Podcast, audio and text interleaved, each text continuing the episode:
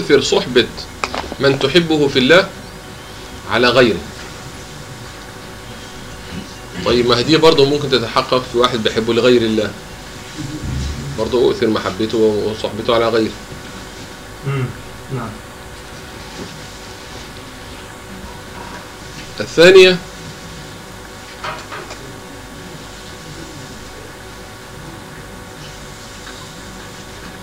ألا يتغير هذا الحب بتغير حال المحبوب ليه؟ لأن الحب في الله ولله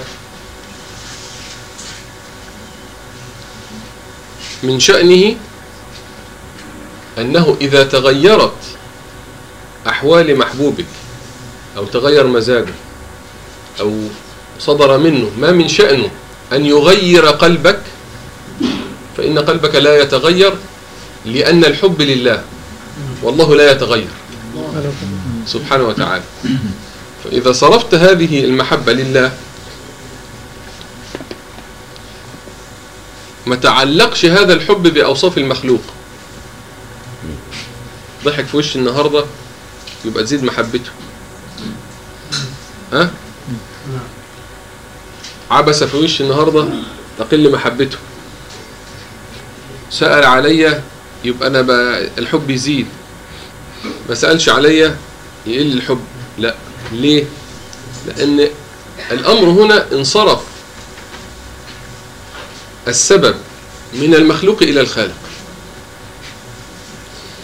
فدام هذا الحب لأنه ما كان لله دام واتصل وما كان لغير الله انقطع وانفصل الأمر الثالث أن يزداد هذا الحب في كل وقت. أنه ما يقفش على حال.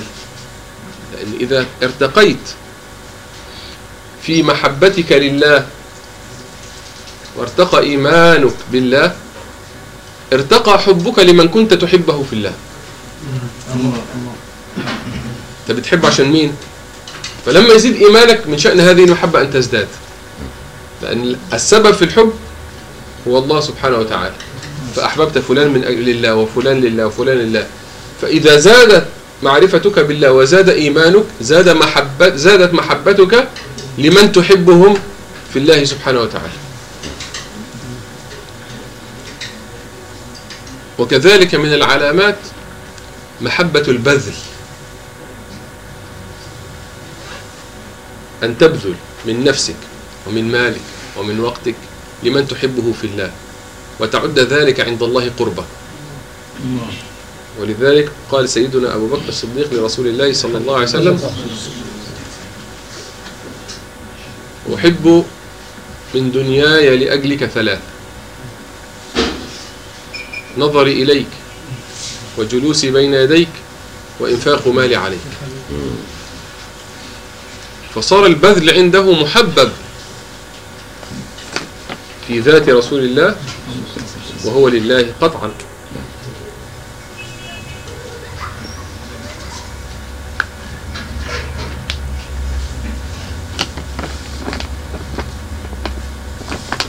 ومن علامات هذه المحبة أنها لا يتحقق فيها ما يقوله العوام في أمثلتهم. البعيد عن العين بعيد عن القلب. هذا كلام لا يصدق على أمر المحبة في الله. ولكن إذا كانت المحبة في الله غذيت ومدت من الله سبحانه وتعالى ولو كان بعيدا عن العين. الله. بل إذا بعد عن العين زادت المحبة. نعم. ليه؟ لأنه لازمها شوق للبعد. ومن ومن ألطف وأرق ما سمعت أهدي لي شريط للسيد محمد بن علوي الملكي رحمه الله. فكان يتكلم عن حال الزيارة وعن الذين يقومون بمنع الناس من استلام شباك الحبيب صلى الله عليه وسلم أو المقصود شيء أو وضع أيديهم أو يقول في معنى كلامه السيد محمد بن علوي الملكي ولا أشك أن هذا إنما يحدث يعني أن فيه حكمة إلهية إنما يحدث ليزداد شوق الزائر. إنه يقف وهو يتشوق لأن يضع يده على المواجهة الشريفة فيمنع عن عن ذلك فلا يزداد إلا شوقة ومحبة ورغبة في القرب من الحبيب صلى الله عليه وآله وسلم. وأن هذا يعني كأنه يعني المولى عز وجل قضى به لحكمة في زيادة شوق المحبين والزائرين لرسول الله صلى الله عليه وآله وسلم وليس كما يعني ينوي من يفعل هذا أن يصرف الناس عن محبة رسول الله بل له أثر في زيادة المحبة والشوق لرسول الله صلى الله عليه وآله وسلم. الله أكبر. الله. واعلم واختبر نفسك في نفسك في هذه المحبة.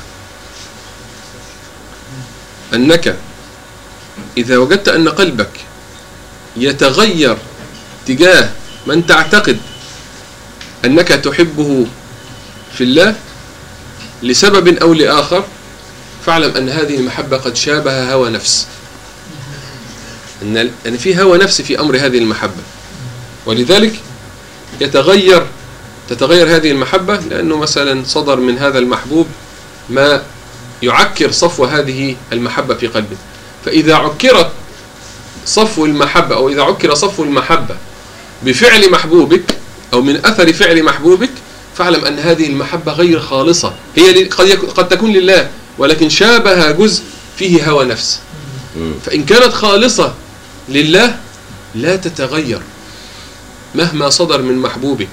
وفي هذا نجد بقى الأبيات التي تحدث بها ال- العاشقون والمحبون والعارفون في أمر إيه؟ في أمر المحبة. أحباي أنتم أحسن الدهر أم أسر فكونوا كما شئتم أنا ذلك الخل. هذه لغة المحب الصادق الذي فنى في محبوبه.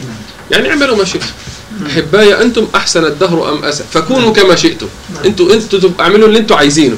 أنا ذلك الخل. أنا على هذه الخلة وعلى هذه المحبة أي أيا كان أي إيه كان وصفكم وأيا كان فعلكم. هجرتم أو أو وصلتم؟ أعطيتم أو إيه؟ منعتم؟ قربتم أم بعدتم؟ إن كان حظ الهجر منكم ولم يكن بعادا فذاك الهجر عندي هو الوصل. فهذه المحبة التي تكلم بها سيد عمر بن الفارض وغيره من العارفين وغيره من المحبين وغيره من أهل العشق محبة فنى فيها المحب في محبوبه. فأصبح لا يقبل به بديلا ولا يقبل به بغيره أو بغير وصله مكافأة أو ثمنا فإن هجر وإن أبعد فهو راض عن محبوبه لا يتغير ولا يبادله اله- الهجر بالهجر ولا يبادله البعد بالبعد ولا يبادله الجفوة بالجفوة إن صح الكلام. ولكنها لا لكن هي مش جفوة ولكنها قال له إن كان حظ الهجر منكم. يعني ظاهري بعد ظاهري. ولم يكن بعادا فذاك الهجر عندي هو الوصف الله.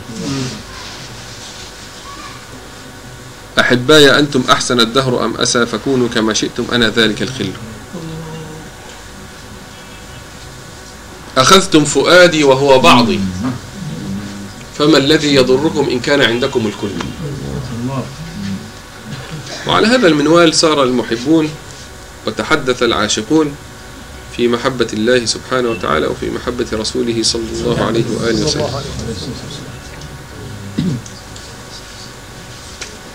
مصطفى بعد إذنك ال- يعني افتح جزء بس عشان اقفل افتح جزء واقفل واقفل جزء هم؟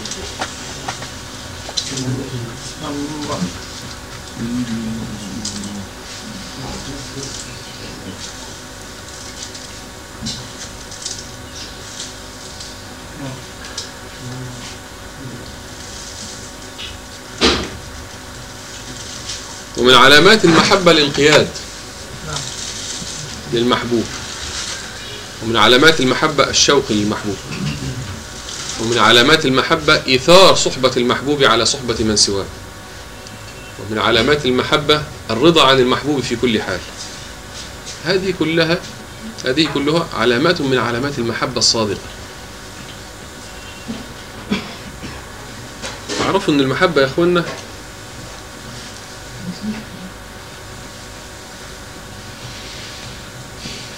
أمر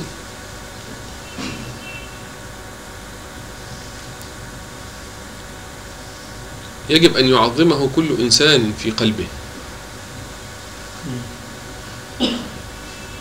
وأن يحرك دواعي هذه المحبة في القلب. والنبي صلى الله عليه وآله وسلم نفى الإيمان. فقال ألا لا إيمان لمن لا محبة له. وكرر هذا الكلام ثلاث مرات في الحديث. فربط الإيمان بالمحبة.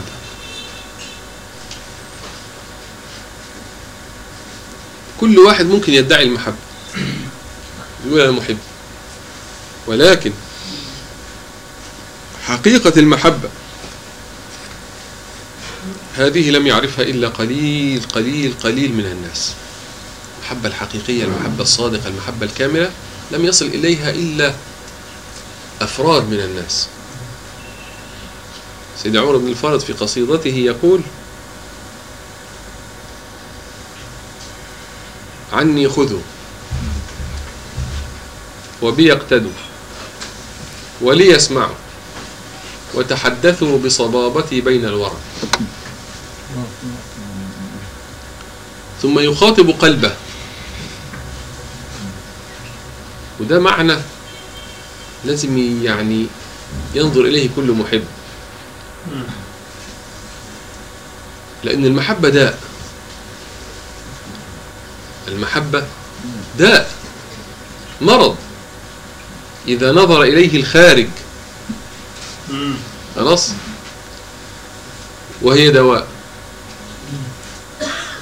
فيبتلى بها الإنسان.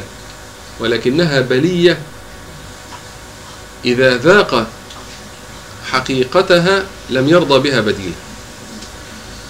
ولذلك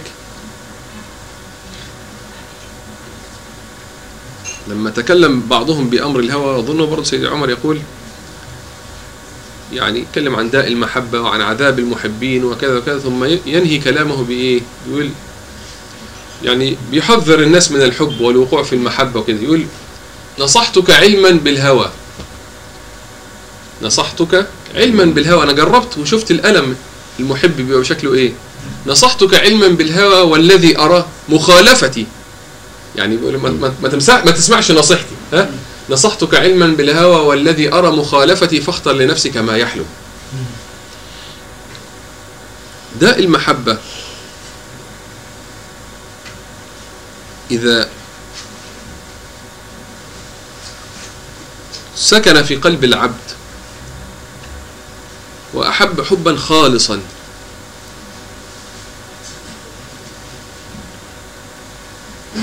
قد يصل به الحال ألا يرى إلا هذا المحبوب.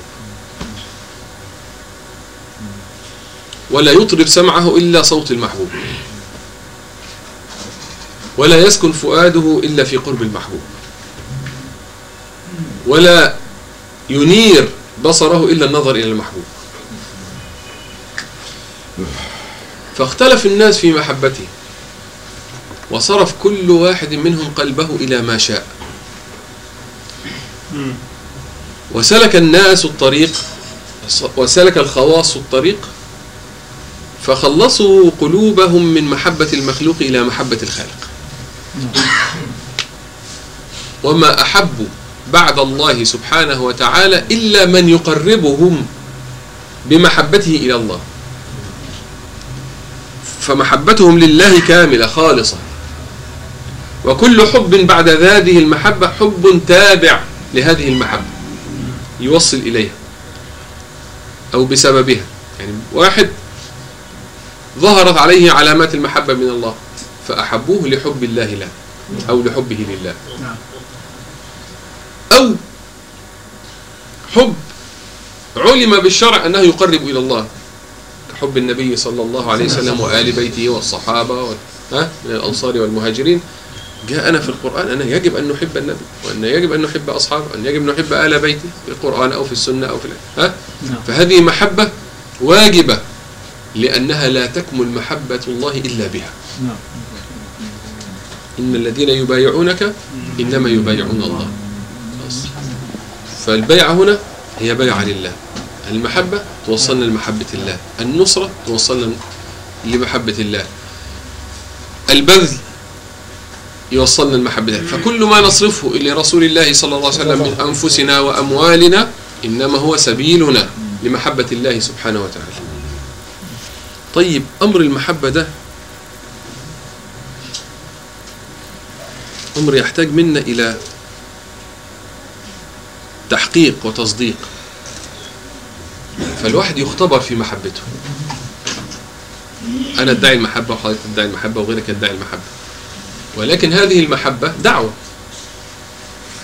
إلى أن يثبت لها شواهد أو تحققها شواهد.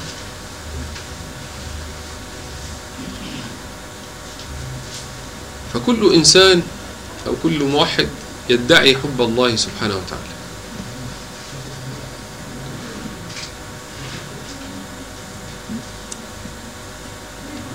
ثم تأتي الشواهد لتصديق هذه الدعوة أو لتكذيبها لإثباتها أو لنفيها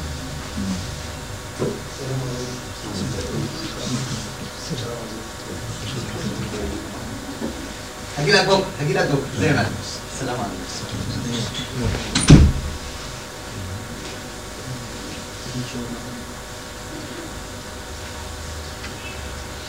متوقع لبكرة؟ لك بكرة زي ما أنت فمش عارف بس.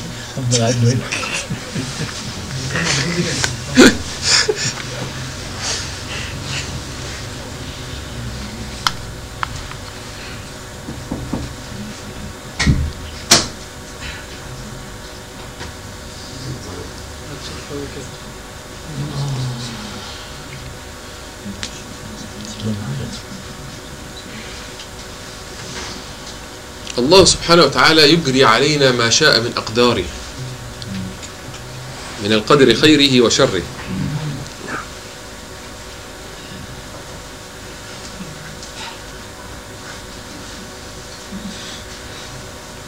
فهذا القدر خلقه وفعله خيره وشره.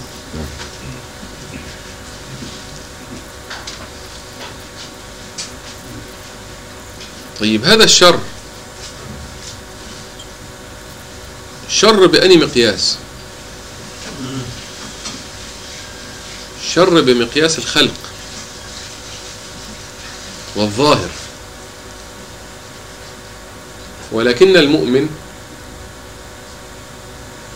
إذا تجلى الله عليه بقدره الذي هو في ظاهره شر. بتجليات القهر والقبض. والضر.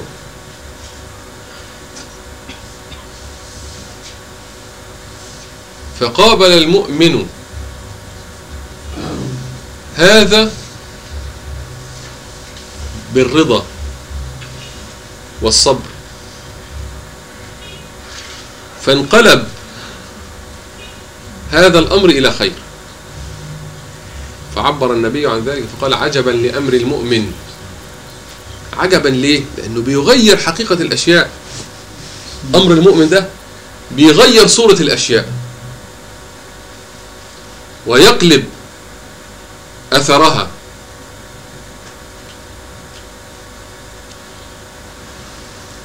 أمره كله خير. إذا أصابته سراء شكر فكان خيرا له. وإذا أصابته ضراء التي هي الشر اللي هي مكروهة عند الناس غير محبوبة عند الناس. إذا أصابته ضراء صبر.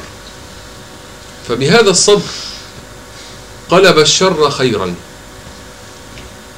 فقال فإذا أصابته ضراء صبر فكان خيرا له. هلا الضر بقى خير؟ أو الضراء بقت خير؟ نعم الضراء بقت خير لأن الشاهد في الأمر إيه؟ أو الأمر مرجعه إلى إيه؟ مرجعه إلى أثر هذا على العبد في صلته بربه. لأن المؤمن الخير والشر بالنسبة له الحاجة الحلوة والحاجة الوحشة بالنسبة له كلها مرجعها إيه؟ ميزانها إيه؟ ميزانها أثر هذا الشيء في صلته بالله. مش مش مش ميزانها الظاهر. يعني اللي قتل أو الشهيد اللي قتل في معركة. الظاهر الأمر إيه؟ واحد اتقتل مش كده؟ وحقيقة الأمر إيه؟ مكان عند الله سبحانه وتعالى وقرب ومحبة وحياة وشهادة من الله سبحانه وتعالى أنه حي وأنه عنده يرزق سبحانه وتعالى. و- حقيقة الصور الصورة حتى سيدنا رسول الله يقول لك إيه؟ يقول لك اللون لون الدم. نعم الله الله. والريح. ريح المسك. يعني شوف حتى ال- ال- الحس له له حكم والحقيقة لها إيه؟ لها حكم آخر. ليه؟ لأنه انقلبت المسائل إلى قرب من الله سبحانه وتعالى. طيب نرجع لأمر المحبة. فمن يدعي المحبة ثم لا يرضى بفعل حبيبه فيه فقد كذبت دعواه. فإذا أجرى المولى عليك ما شاء وما قدر وما اختار لك فما رضيت بفعله. أو حصل عندك ضجر بهذا الفعل. أو ضاق صدرك بهذا الفعل. مما أنزل عليك من نوازل القضاء والقدر فما كملت محبتك لله سبحانه وتعالى. ولكن المحبة لله تقتضي كمال الانقياد له فيما شاء لك وفيما اختار. والمحبة تقتضي أن تقدم مراده على مرادك وأن تقدم اختياره على اختيارك. وأن تقدم مشيئته على مشيئتك. سبحانه وتعالى. مش بس في الأمر والنهي ولكن كذلك في القضاء والقدر. في الأمر والنهي طبعا واضح. إذا أمر أطعت وإذا نهى انتهيت. وهذا من شواهد المحبة الانقياد للأمر والنهي. ولكن دي مرحلة. وكثير من الناس ينقاد للأمر والنهي وهذا من شواهد المحبة. ولكن إذا تصرف فيه محبوبه بما لا يرضيه أو بما لا يعجبه ضاق صدره. وهذا ليس من علامات كمال المحبة. المحبة في الله يا إخوان ومحبة الله سبحانه وتعالى يجب أن تفني العبد عن نفسه. حتى تكون محبة حتى تكون محبة كاملة. أنك تفنيك عن نفسك وتفنيك عن اختيارك وتفنيك عن مرادك. فإذا سعيت فيما سعيت واجتهدت فيما اجتهدت وما حصل عندك النتائج المرجوة لا يضيق صدرك لا يضيق صدرك. ليه؟ لأن اختياره أحب إليك من اختيارك إذا لا نزل بك ما نزل فعلمت أنه من الله سبحانه وتعالى كان فعل المحبوب عندك محبوبا. وتذكرت كلام النبي؟ عجبا لأمر المؤمن أمره كله خير. صلوات ربي وسلامه عليه.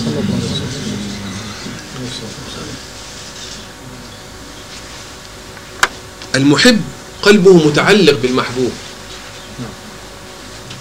ففي كل لحظة يبحث عن مد... يبحث عن مزيد قرب لمحبوبه يعني الناس اللي بتح... المحبة لله سبحانه وتعالى في كل ساعة يفتش عن أبواب القرب. القضاء والقدر ماشي. فيدور على في كل محطة من هذه المحطات الدخلة منين؟ الباب منين؟ فماشي واحد أساء الباب منين؟ الباب في العفو. الله. مش كده؟ ماشي. القطر ماشي القضاء والقدر ماشي. ها؟ واحد اغتاب. ماشي. واحد أحسن. ماشي والتاني أساء. ما مش كده؟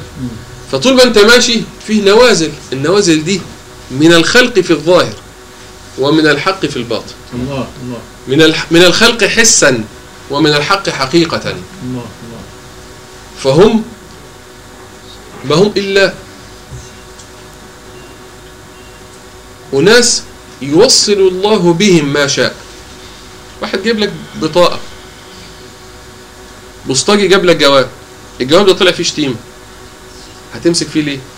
هو مال مصطفى جاب لك جواب والجواب ده فيه حاجة كويسة كلام كويس. فمن فرحتك بتكافئه. وهو ملوش يد. فربنا قال لك كده. قال لك اللي بعت لك نعمة على إيده اشكره. واللي بعت لك مصيبة على إيده اعفي عنه. الله. الله. فالبشير لما كان يجي واحد يبشره بحاجة كان يكافئ البشير. ومع انه ملوش حاجة ده هو بس جاب الخبر. مش كده؟ جاب الخبر فيدوا له مكافأة مع إنه ملوش يد في الموضوع. فالقضية في النوازل هذه التي تأتيك إذا كنت محب فأول ما تشهد المحبوب. وإذا كنت غافل فتشهد السبب. فيحجب. أو أنت اللي تحجب هو لا يحجب سبحانه وتعالى. إذا كنت مشغول بغيره وقلبك مش متعلق به التعلق الكامل فترى السبب قبل المسبب. فيحجب أو تحجب عنك رؤية المسبب بشهودك للأسباب. فالحجاب مش عليه الحجاب على قلبك أنت. أنت الح- هو اللي نزل قدام عينك فما شفتش. وإذا كان قلبك متعلق به هو سبحانه وتعالى ولا ترى إلا غيره ولا تتعلق إلا بغيره ولا تشتاق إلا له سبحانه وتعالى ولا تطلب إلا إياه فأول ما يأتي ما يأتي من خير أو شر أول ما يحضر في قلبك.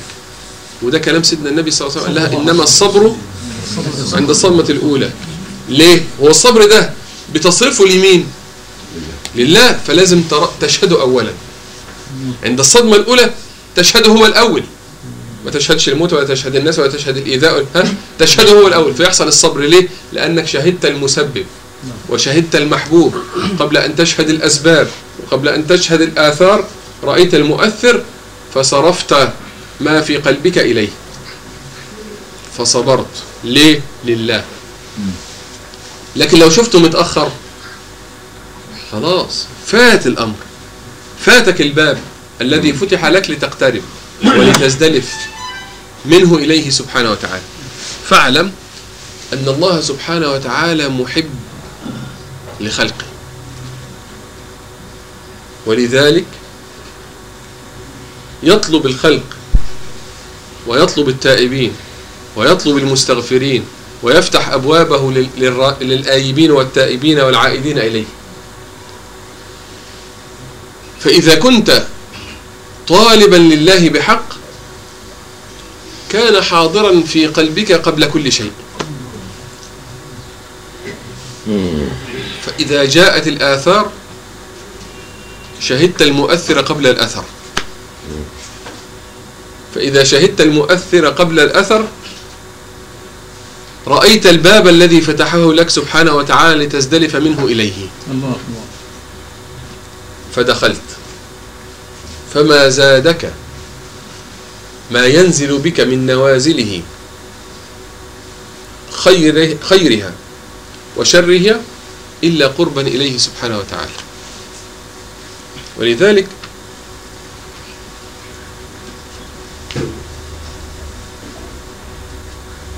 أهل الاصطفاء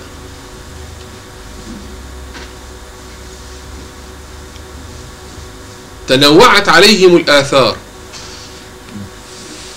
ولم يشهدوا في تنوع الآثار إلا المؤثر. فالأنبياء منهم من كان منهم من كان ملكا. زي سيدنا سليمان. مش كده؟ سيدنا داود فآثار هذا الملك ده آثار. فلم تحجبهم هذه الآثار عن المؤثر سبحانه وتعالى. ومنهم من كان يرعى الغنم. مش كده؟ طيب.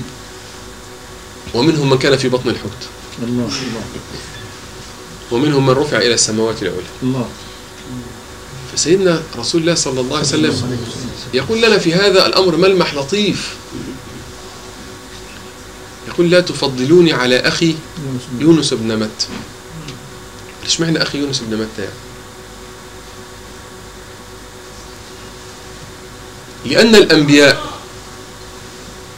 في مكانتهم من الله سبحانه وتعالى. ولو ولو كان هذا في قاب قوسين وهذا في بطن الحوت. الله الله الله. الله الله.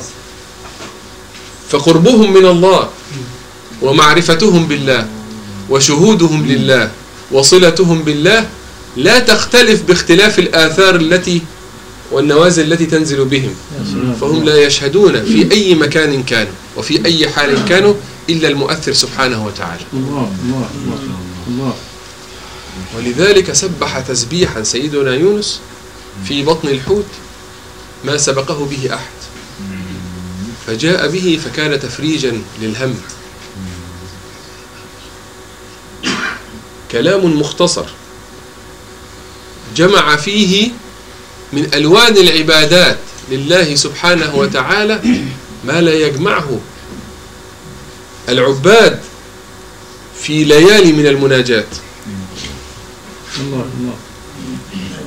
فوحد نعم. ونزه وأقر في جملة واحدة. سبحانه لا إله إلا أنت توحيدا كامل. توحيد كامل. ها؟ سبحانك. تنزيه له سبحانه وتعالى.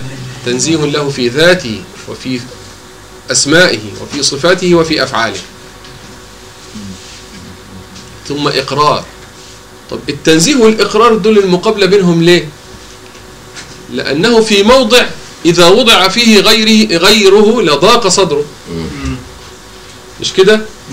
ولكن وما أصابك ما أصابك من حسنة فمن الله وما أصابك من سيئة فمن نعم فينزه المولى عز وجل في هذا الموضع ويقر بضعفه يقر بنقصه وهو كامل سلام الله عليه.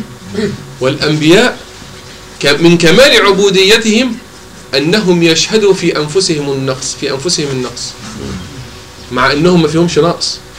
وعقيدتنا أنهم كمل. ومعصومين ما فيهمش نقص. أمال هم بيشهدوا النقص ليه؟ لأنهم لا يشهدون إلا الله. فمن شهد كمال ال- الخالق رأى المخلوق ناقصا ولو كان كاملا. فهو مخلوق والله خالق. فهم يشهدون كمال الذات وكمال الأسماء وكمال الصفات فإذا تجلى الله عليهم بهذا الشهود ثم نظروا إلى أنفسهم ورأوا أنفسهم على نقص وإن كانوا في حقيقة الخلق هم كمل العباد ولكن كثرة شهود أو كمال شهودهم لله سبحانه وتعالى رأوا كل ما سواه نقص. كل ما سواه نقص. لأنه أين مقام المخلوق من مقام الخالق؟ أيا كان المخلوق. ولذلك كما أشرنا من قبل أن النبي صلى الله عليه وسلم ما افتخر بما أعطي بل يقر بمكانته ويقول لا فخر. الله الله الله. عارف ليه؟ لأنه في حضرة الله. يا سلام فكيف يليق بالعبد أن يفتخر في حضرة مولاه؟ الله الله الله. أنا سيد ولد آدم. دي حقيقة ولكن لا فخر. لأنني في حضرة ربي فلا يصح لي أن أفتخر. الله الله. في حضرة الله لا ي... لا يصح له إلا أن يفتقر. فيعرفنا بمكانته ويتواضع لله سبحانه وتعالى. يعرفنا بمكانته ويفتقر لله سبحانه وتعالى. يعرفنا بقدره ويتذلل بين يدي الله سبحانه وتعالى. فهو ينطق بكمالاته لنعرف نحن قدره. ثم يقر بعبوديته وبافتقاره وبتذلله بين يدي مولاه سبحانه وتعالى. ولا ينزل الحجاب على قلبه أبدا. إنها لتنام عيناي ولا ينام قلبي. فقلبه في الشهود. حسا ومعنى ظاهرا وباطنا في اليقظة والمنام. والنوم ميتة صغرى.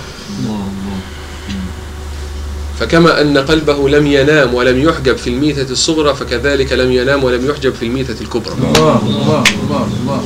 وهذا سر حياته صلى الله عليه وسلم وهي كمال الشهود لمولاه. فلا ينزل على قلبه الحجاب. انت حواسك نزل عليها الحجاب. وقلبك ينزل عليه الحجاب بميتتك الصغرى وهي النوم. فتحجب. خلاص. أما هو فلا. لا تنزل على قلبه. ولذلك يقول الإمام أبو الحسن الشاذلي رضي الله عنه وأرضاه. رأيت النبي صلى الله عليه وآله وسلم في منامي فسألته عن حديث الغين إنه ليغان على قلبي. الله. فأستغفر الله في اليوم مئة مرة وفي رواية سبعين مرة. نعم. فسيدي أبو الحسن الغين ده يعني است- استشكل عليه الأمر كيف يحجب قلب النبي وكيف يقول فرأيت النبي صلى الله عليه وسلم فسألته عن حديث الغين فقال يا علي إنه غين أنوار لا غين أغيار. الله الله الله إنه غين أنوار لا غين أغيار. فالغير لا ينزل بقلبه فيحجبه عن ربه أبدا. حاشاه صلى الله عليه وآله وسلم. الله الله الله الله فمن سلك مسلكهم. قضية يا أخوانا الدين من أول ما تخش بكلمة لا إله إلا الله. لحد أعلى مقام. في مقامات الإيمان كله يدور حول لا إله إلا الله. فده توحيد. هذا توحيد الأنبياء. وتوحيد الكمل من عباد الله. أنه لا ينزل بقلوبهم غير. ولا تنشغل قلوبهم بغير. وهذا الذي يجب أن يسعى إليه كل سالك. أنه يصل بمعاني لا إله إلا الله في قلبه إلى ألا يلتفت هذا القلب إلى غير أو سوى. ما يكونش له تعلق أبدا بغير الله. ولا يكون في قلبه اعتماد أبدا على غير الله. ولا يكون في قلبه رجاء إلا في الله. ولا يكون في قلبه خوف إلا من الله. فيضمحل. إذا أشرقت أنوار لا إله إلا الله على قلب العبد محت هذه الأنوار ظلمة الأغيار. الله. فبقي هذا العبد لا يشهد إلا الله.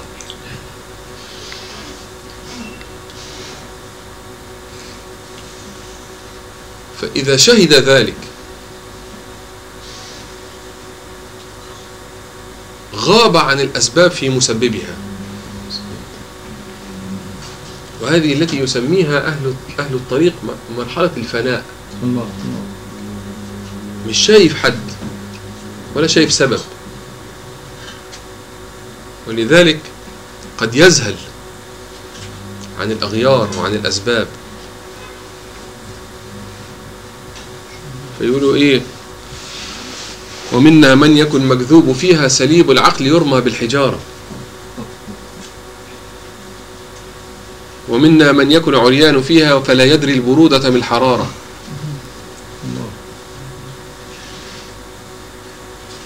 هذه أحوال تحدث لبعض الخلق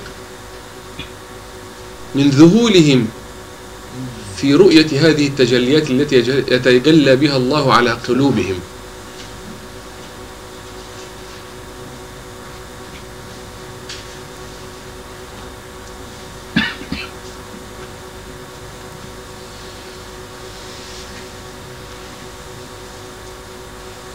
وبعد مرحلة الفناء يرجع إلى شهود الأسباب. ولكن شهود منزه عن الاعتماد.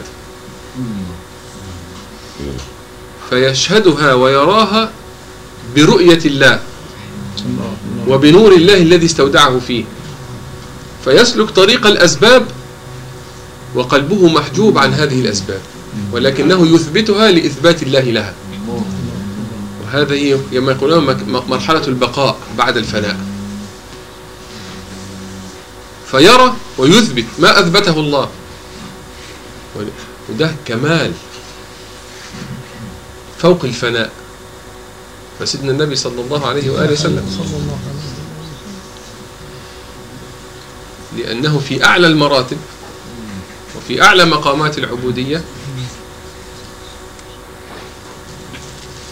ما جاءت معجزاته ليتحدى بها. يعني يقول النبي ليس له معجزات. النبي له معجزات كثيرة وخوارق عادات كثيرة ولكنها ما جاءت على سبيل التحدي. بل أرجعه الله إلى وأقامه الله في الأسباب لأن هذا كمال العبودية أن يقوم بالأسباب التي استو أعدها الله في هذا الكون ويأخذ بها ويسير فيها. ويعمل بها وهو مؤيد من فوق سبع سماوات بسبب وبغير سبب ولا يحتاج إلى هذا السبب. فرباه المولى عز وجل أدبني ربي في أحسن تأديب إحنا هو إحنا فاهمين إن أدبني ربي في أحسن تأديب إنه يعفو عن من ظلم ويصل من قطع وكده يعني في معاملته مع الخلق. وهذا جزء من الكلام. ولكن أدبني ربي في أحسن تأديبي جزء منها معاملته مع الخلق. وكمال وكمالها في معاملته مع الخالق. الله الله. يعني أدبني ربي في في معاملتي معه وفي عبوديته له وفي شهودي إياه وفي توكله عليه وفي تذللي بين يديه فأحسن تأديبي. الله الله. فما عبد الله سبحانه وتعالى على وصف الأدب عبد كما عبده النبي صلى الله عليه وسلم. الله الله. مش بس أدب مع الخلق أدب مع الخلق ده جزء. نعم. ولكن جزء إذا وضعناه في ميزان أدب رسول الله صلى الله عليه وآله وسلم يصير إيه؟ يصير ذرة لأن أين الخلق من الحق؟ نعم. فإن كان هذا أدبه مع الخلق وكمال معاملته مع الخلق فهي ذرة في كمال أدبه مع الحق سبحانه وتعالى. يا سلام. الله الله الله لأنه صرف إلى الخلق ما يليق بهم من الأدب. مش كده؟ وما يليق به صلى الله عليه وسلم. وصرف إلى الحق ما يليق به من الأدب وما يليق به صلى الله عليه وسلم. الله الله الله الله فجه في العلم خزائن لأن الأدب وصف العبد والعلم وصف الرب فهو العليم. الله الله فلما جاء في العلم قال وقل رب زدني. علما. ليه؟ لأن العلم صفة من صفات من؟ من صفات الله. فمهما تعلم العبد من العلوم مهما تعلم العبد من العلوم فوضعت علومه في علم الله فهي لا شيء. فقال قل رب زدني علما. أما الأدب فهو وصف من؟ وصف العبد. نعم. فكمل أدبه صلى الله عليه وسلم ولم يقل له وقل رب زدني أدبا ولكن قال وإنك لعلى خلق عظيم. أدبني ربي فأحسن تأديبي. فتم أدبه صلى الله عليه وآله وسلم. وكمل علمه إذا قورن بعلم بعلوم من؟ بعلوم الخلق. ولكن في في مقابل علم الحق مم. قل رب زدني علما الله الله الله